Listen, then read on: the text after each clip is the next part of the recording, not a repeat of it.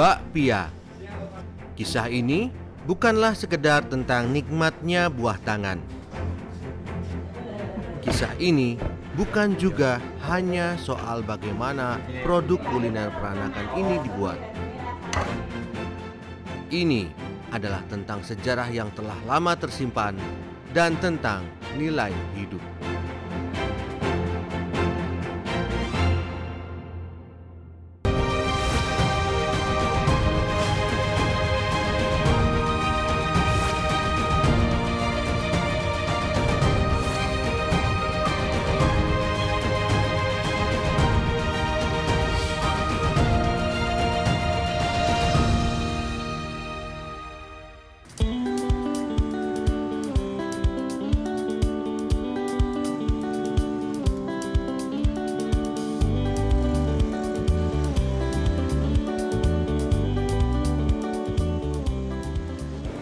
Ketika berkunjung ke Yogyakarta, bakpia biasanya menjadi pilihan utama untuk mendapatkan oleh-oleh, terutama dari daerah di mana saat ini saya berada, yaitu di daerah Patuk yang terkenal dengan nama bakpia Patuk.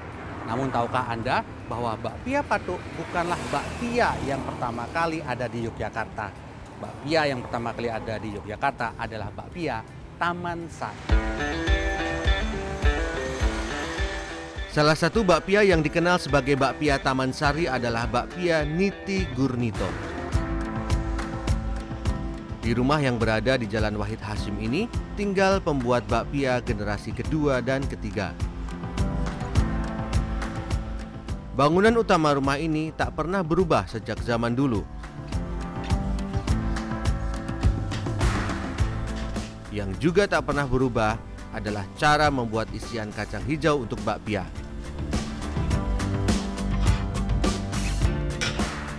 Isian yang biasa disebut kumbu ini dibuat di atas tungku berbahan bakar kayu.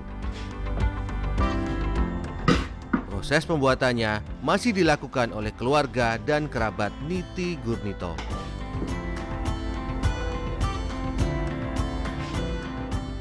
Tahu saya tidak banyak bakpia yang di Jogja yang mencantumkan sejak tahun berapa. Lah ini benar nih sejak tahun 1944. Sebenarnya kurang tepat, Mas.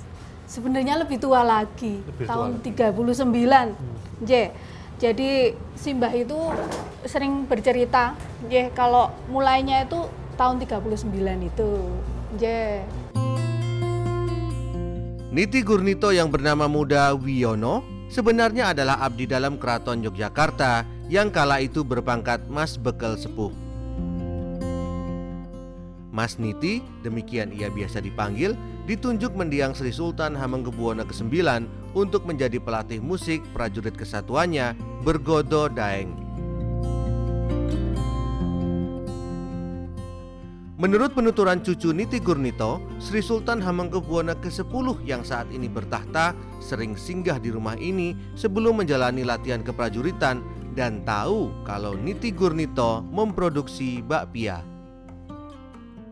Waktu itu eh, pangarsonya masih eh, Doroden Mas Herjun yang sekarang menjadi ngerso dalam peng, eh, kaping sedoso.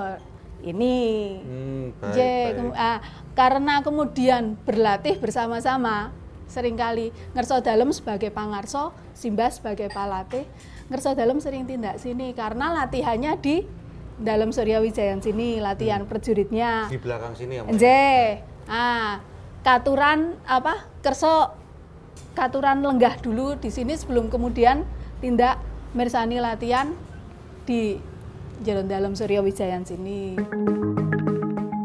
Niti Gurnito berpulang pada 1981 dengan nama dan pangkat terakhir Mas Lurah Niti Pawoko. Namun, Niti Gurnito sebenarnya adalah pembuat bakpia kedua di Yogyakarta. Awalnya itu ada seseorang yang namanya Bapak Basun itu eh, menyewa di eh, ini se- sebelah timur jalan perempatan Taman Sari ke selatan sebelah timur jalan di situ terus dia kan membuat bakpia Oke. Basun itu. Menurut buku berjudul Bakpia, si bulat manis yang selalu dicari, tulisan Profesor Murdiati Garjito dan Katarina Arda Nareswari, pembuat bakpia pertama di Yogyakarta adalah Bah Sun yang bernama asli Quick Sun Kok. Bakpia Bah Sun kini dikenal dengan nama Bakpia Lestari. Bah Sun adalah orang asli Tiongkok yang datang ke Yogyakarta dari Wonogiri, Jawa Tengah sekitar 1930-an. Ketika sampai di Yogyakarta, Bah Sun menuju ke daerah Taman Sari karena melihat potensi ekonominya yang menjanjikan. Ia kemudian menyewa lahan milik Niti Gurnito.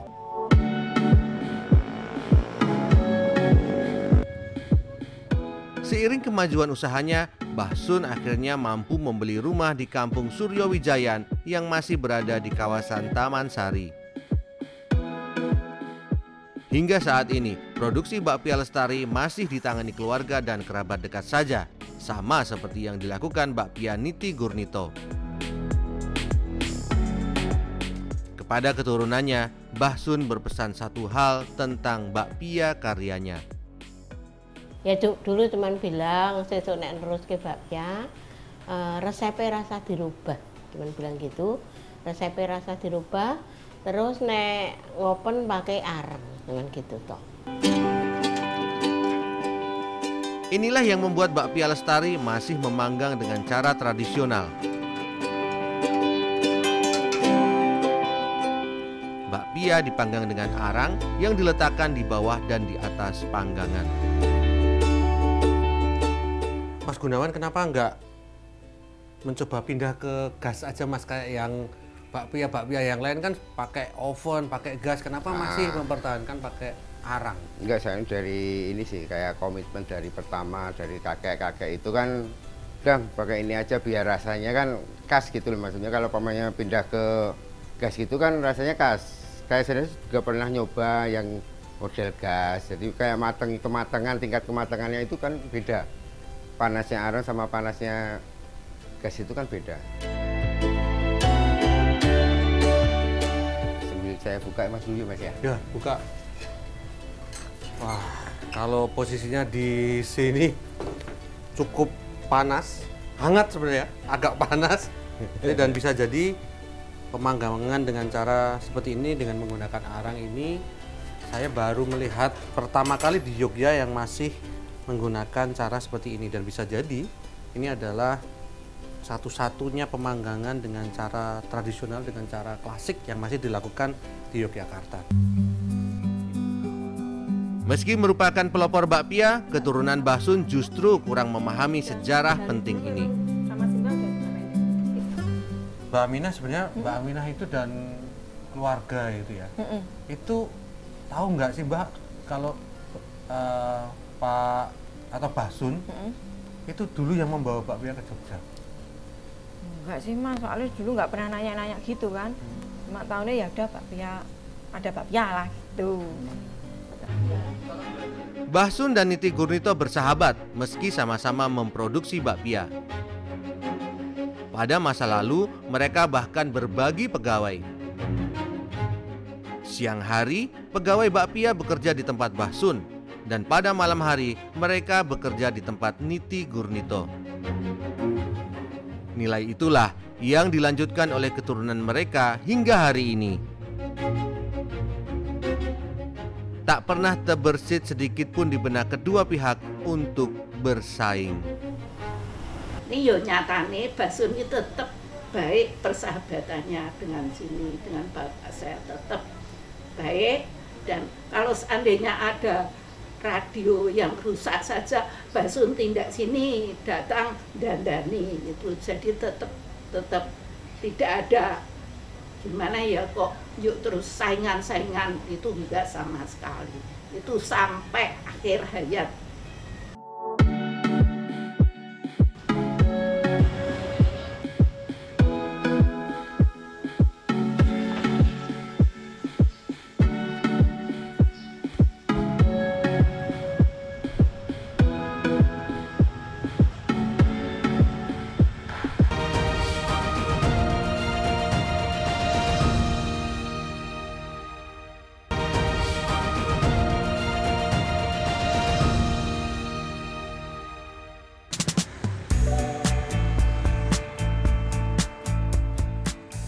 Kawasan Patok saat ini terkenal sebagai sentranya bakpia di Yogyakarta. Namun, perjalanan hingga mencapai kondisinya saat ini penuh lika-liku. Sejarah bakpia Patok tidak lepas dari bakpia Taman Sari yang lahir sebelumnya. Pelopor bakpia Patok bahkan bersahabat dengan pelopor bakpia Taman Sari. Pelopor bakpia di Patok adalah Lim Boxing, seorang warga keturunan Tionghoa. Sebelumnya, ia merupakan pemasok arang bagi pelopor bakpia Taman Sari, Quick Sun Kok atau Bahsun. Lama-kelamaan, Lim Boxing mengikuti jejak Bahsun dengan memproduksi bakpia mulai 1948.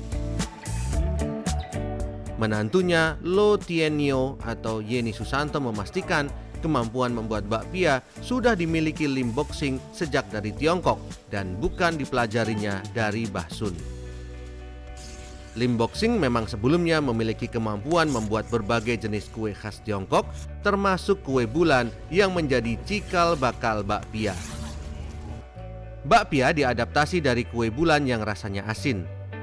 Bakpia adalah kue bulan yang dibuat dalam ukuran kecil dengan isian kacang hijau yang rasanya manis. Menurut Guru Besar Ilmu dan Teknologi Pangan Universitas Gajah Mada Murdiati Garjito, pengubahan ini terjadi karena akulturasi budaya Tiongkok dengan masyarakat lokal di Yogyakarta yang mayoritas beragama Islam. Kalau mooncake itu isiannya itu daging babi. Tapi dia semua ganti. Jadi isi sama kulitnya itu lemak dipakai di kulitnya. Kalau daging dipakai untuk isinya. Jadi kalau mula-mulanya itu semua yang dinamai pakai bak itu mesti daging babi. Tapi karena kita nggak pada makan, mereka toleran juga mengganti baknya itu menjadi bukan babi. Jadi menurut saya itu dari dua-duanya memang ada dorongan untuk menyatu. Merek bakpia di Patok umumnya menggunakan nomor rumah, seperti yang diawali oleh Lim Boxing. Namun ada musabab yang mengawali penggunaan nomor rumah ini. Nah itu karena pembelinya itu kalau disuruh beli, oh ini bakpianya habis yang ada makanan kecil. Nah di mana di Jalan Patok. Cari aja bakpia lim boxing.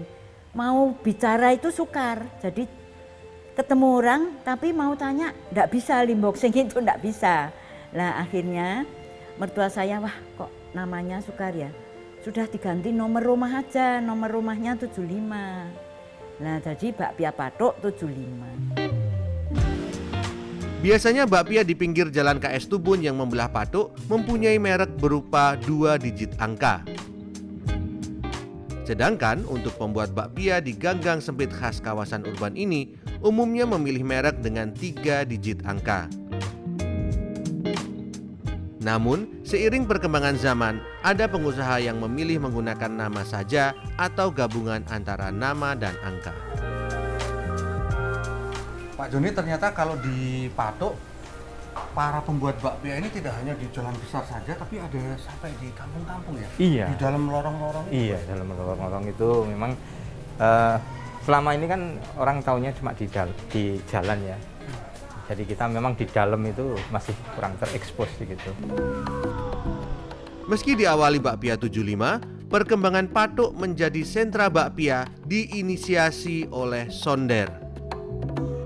Sebelumnya, ia bekerja di Bakpia 75, tetapi ia berinisiatif mengajari tetangga-tetangganya di Kampung Sanggrahan untuk membuat bakpia sejak 1989. Dari titik inilah, kemudian Patok dikenal sebagai sentra bakpia hingga saat ini. cerita pertama kalinya itu seperti apa kok kemudian Pak Sonder punya inisiatif untuk ngajarin mereka Iya, kan soalnya kampung ini kan orang nggak semua semua nggak punya gitu loh. Biar ada kemajuan. Jadi nggak ada yang menganggur itu loh. Pak Sonder adalah orang yang punya jasa besar Iya. yang membuat Patuk ini menjadi sentra bakpia dan dikenal sebagai sentra bakpia di Indonesia dan menjadi pusat oleh-oleh. Iya. Komentarnya apa Pak Sendir? Ya aku cuma ya alhamdulillah senang sekali biar viral di mana-mana udah tahu semua. Ya ada ada dari Sulawesi, Kalimantan datang ke sini minta diajari. Para pembuat bakpia di Patok kini jumlahnya lebih dari 100 orang yang terbagi dalam tiga paguyuban, yaitu Sumekar, Laris Manis, dan 711. Mereka kerap membuat pertemuan dan saling bertukar pengalaman tentang produksi bakpia. Dalam wadah paguyuban ini, mereka terbiasa tidak berkompetisi meski sama-sama membuat bakpia dengan lokasi produksi yang berdekatan. Saya lihat kalau di gang-gang kecil ini bisa jadi satu rumah dengan rumah yang lain itu bersebelahan produsen bakpia. Iya. Itu nggak saling bersaing, Mbak. kita saling menjaga satu sama lain. Jadi kita tuh di sini tuh semuanya mencari bahwa membuat bakpia untuk mencapai kesejahteraan hidup kita, untuk mencapai kesejahteraan, untuk mencapai ketentraman tanpa saling ya istilahnya menurut saya sikut satu sama lain. Jadi kita sama-sama. Itu jadi gini, kalau misalnya ada yang kekurangan pesanan, saya teman-teman mendapatkan pesanan banyak itu kita bisa nanti kalau kurang kita bisa ngambil ke yang lainnya. Dari pusat kota Yogyakarta, bakpia Patok juga berkembang ke berbagai kabupaten di daerah istimewa Yogyakarta.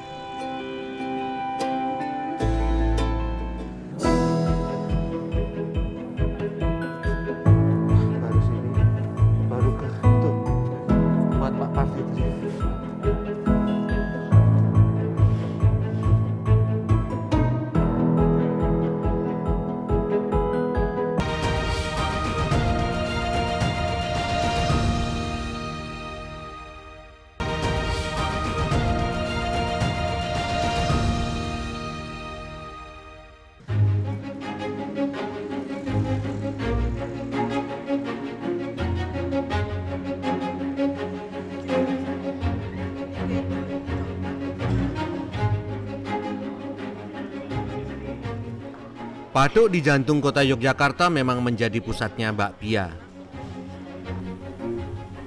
Namun industri bakpia telah menjalar ke sejumlah daerah lain di daerah istimewa Yogyakarta dan terbentuklah sentra-sentra baru. Sekitar 13 km di utara Yogyakarta terdapat sentra bakpia Mino Martani di Kecamatan Ngaglik, Sleman. Sentra ini punya DNA yang berasal dari bakpia Patok adalah Midah yang kerap disapa Bu Mardi yang menjadi salah satu inisiator Bakpia Mino dengan menggunakan merek dagang Bakpia Mino 703. Midah bergerak bersama Suharti Kusdaryanto, pemilik Bakpia 714. Mereka sebelumnya tinggal di kawasan Patuk, kota Yogyakarta. Di sini, bakpia benar-benar merupakan industri rumahan dalam arti sebenarnya. Karena lokasi pembuatan bakpia juga sekaligus digunakan untuk kebutuhan rumah tangga. Dulu ceritanya bagaimana Bu? Kok bisa buat bakpia di Minomartani? Dulu ceritanya tuh orang saya kan juga orang dari sana, bapak E juga orang dari Patok, gitu. Tetangga juga orang dari Patok. Nah, setelah itu kan kita eh, omong-omong daripada kita waktu itu kan anak masih kecil-kecil ya, kita cuma mandu istilahnya, mandu sama suami. Terus kita punya inisiatif, yuk kita jangan sampai apa cuma minta tok kalau bisa kita juga cari income gitu. Sentra ini sebenarnya berawal di perumahan Minomartani, Jalan Tengiri 7. Oleh karena itulah, penamaan merek bakpia di sini menggunakan gabungan nama jalan dan nomor rumah. Seperti bakpia 703 dan 714 yang sama-sama berada di Jalan Tenggiri 7 dengan nomor rumah masing-masing nomor 3 dan 14. Namun, sama seperti di Patuk, sejumlah pengusaha bakpia Mino juga ada yang menggunakan nama sebagai merek dagang. Berbeda dengan daerah lain, bakpia Mino menjual bakpianya dalam kemasan ekonomis. Jadi kemasan ekonomis supaya ini terjangkau. Iya, kira-kira gitu, terjangkau ya? uangnya gitu. Mhm. Misalnya mau cari ngasih orang banyak kok uangnya cuma segini biar terjangkau semua, kita punya solusi gitu 10, isi 10, isi 15 gitu. Enggak terus harus 20 kasihan. Midah menambahkan, meski diolah secara rumahan, produknya telah beberapa kali dibawa ke sejumlah negara di Eropa dan Australia. Sentra bakpia lainnya terdapat di kawasan pesisir selatan Yogyakarta, tepatnya di Kabupaten Bantul. Berjarak 25 km dari Patok, ada sentra bakpia Serandaan. Adalah Supardi yang mengawali sentra bakpia ini pada 1983. Ia memulai usaha pembuatan bakpia setelah meninggalkan pekerjaan di tempat pembuatan bakpia di kawasan Keparaan, Kota Yogyakarta. Ia bahkan masih sempat mengenali kejayaan bakpia Taman Sari yang lahir lebih dulu dari bakpia Patuk. Sering diminta majikannya untuk mengantar bakpia ke Taman Sari. Meski tak seramai dulu, Supardi dan istrinya masih terus membuat bakpia dalam skala kecil, terutama ketika ada pesanan. Menurut Supardi, di Serandaan, bakpia tak sekedar menjadi oleh-oleh. Di sini, bakpia sering dipesan untuk keperluan hajatan. Nah niku ceritanya pripun kok bakpia teng mriki benten kalih sanese nek teng mriki saya nggih hajatan tapi tek nek teng Yojo. Yojo mboten nggih hajatan niku pripun? Riyen dereng. Hmm. Jadi nek ten mriki yo dilalai nggih ngene ku terus do belah kata sing do penting. Hmm. Nek Yojo jan ketoke awes-awes. Mari kok Pak Suyen niku yo ret Oh, do nggon wong ewuh ngoten. Nek nek Yojo jan ketoke dereng tak adaan. Niku dugi sakniki mboten Pak? Nggih nggih hajatan niku. Nggih nek Nggih, mriki anu pun rada sida siji loro. Hal ini masih dialami oleh Bakpia Japon yang merupakan salah satu produsen bakpia dengan produksi besar di sentra bakpia Serandaan. Bakpia-bakpia ini akan digunakan sebagai oleh-oleh hajatan pernikahan di Wonosari, Gunung Kidul. Untuk menjaga cita rasa, bakpia Japon masih mempertahankan cara lama untuk membuat kumbu atau isian. Ternyata memang benar ya, salah satu rahasia bagi makanan khas yang punya cita rasa yang cukup kuat, salah satunya dikerjakan dengan cara yang masih tradisional, seperti cara pengerjaan isian bakpia Japon ini, yang dikerjakan dengan menggunakan wajan dengan diameter yang cukup besar, wajan besi, dikerjakan dengan cara manual dan menggunakan kayu bakar. Di bakpia Japon, bakpia dibuat dengan dua ukuran berbeda. Hal ini bukan tanpa alasan. Baik, Bu, kalau di bakpia Japon itu tadi saya sempat lihat ada dua ukuran, Bu. Ada bakpia yang ukuran kecil, ada bakpia ukurannya lebih besar. Itu kenapa, Bu? Ya bakul-bakul itu mintanya yang kecil, bakul di pasar itu. Biar uangnya sedikit, bapiannya as- boleh banyak beli Jad- uang ja- harganya kan nggak sama. Ya. Harganya kan lebih kecil. Meski sudah mendapat banyak pelanggan, bakpia Japon tak melupakan bagaimana cara mereka berjualan pada masa-masa awal membuat bakpia. Mereka masih setia menitipkan bakpia ke warung-warung. Dengan cara ini, bakpia bisa dinikmati semua lapisan masyarakat yang berbeda kondisi sosial dan ekonominya. Bakpia, hingga saat ini belum ada yang tahu persis tahun berapa makanan peranakan ini masuk ke Yogyakarta. Namun, dari bukti sejarah yang ada, camilan manis ini sudah menjadi makanan peranakan Tiongkok di Yogyakarta selama lebih dari 80 tahun. Bakpia telah menjadi bukti akulturasi dan toleransi beragam latar kebudayaan yang berbeda. Dari apa yang dicontohkan para pendahulu, anak cucu mereka hari ini tahu bahwa bakpia telah menjadi simbol kolaborasi bukan kompetisi. Simbol persahabatan bukan pertentangan. Serta simbol kepasrahan atas rezeki Tuhan. Karena meski terus berkembang, para pembuat bakpia paham rezeki dari Tuhan tak pernah tertukar. Dari bakpia kita pun tahu bahwa makanan yang identik dengan daerah tertentu tidak harus berasal dari daerah itu.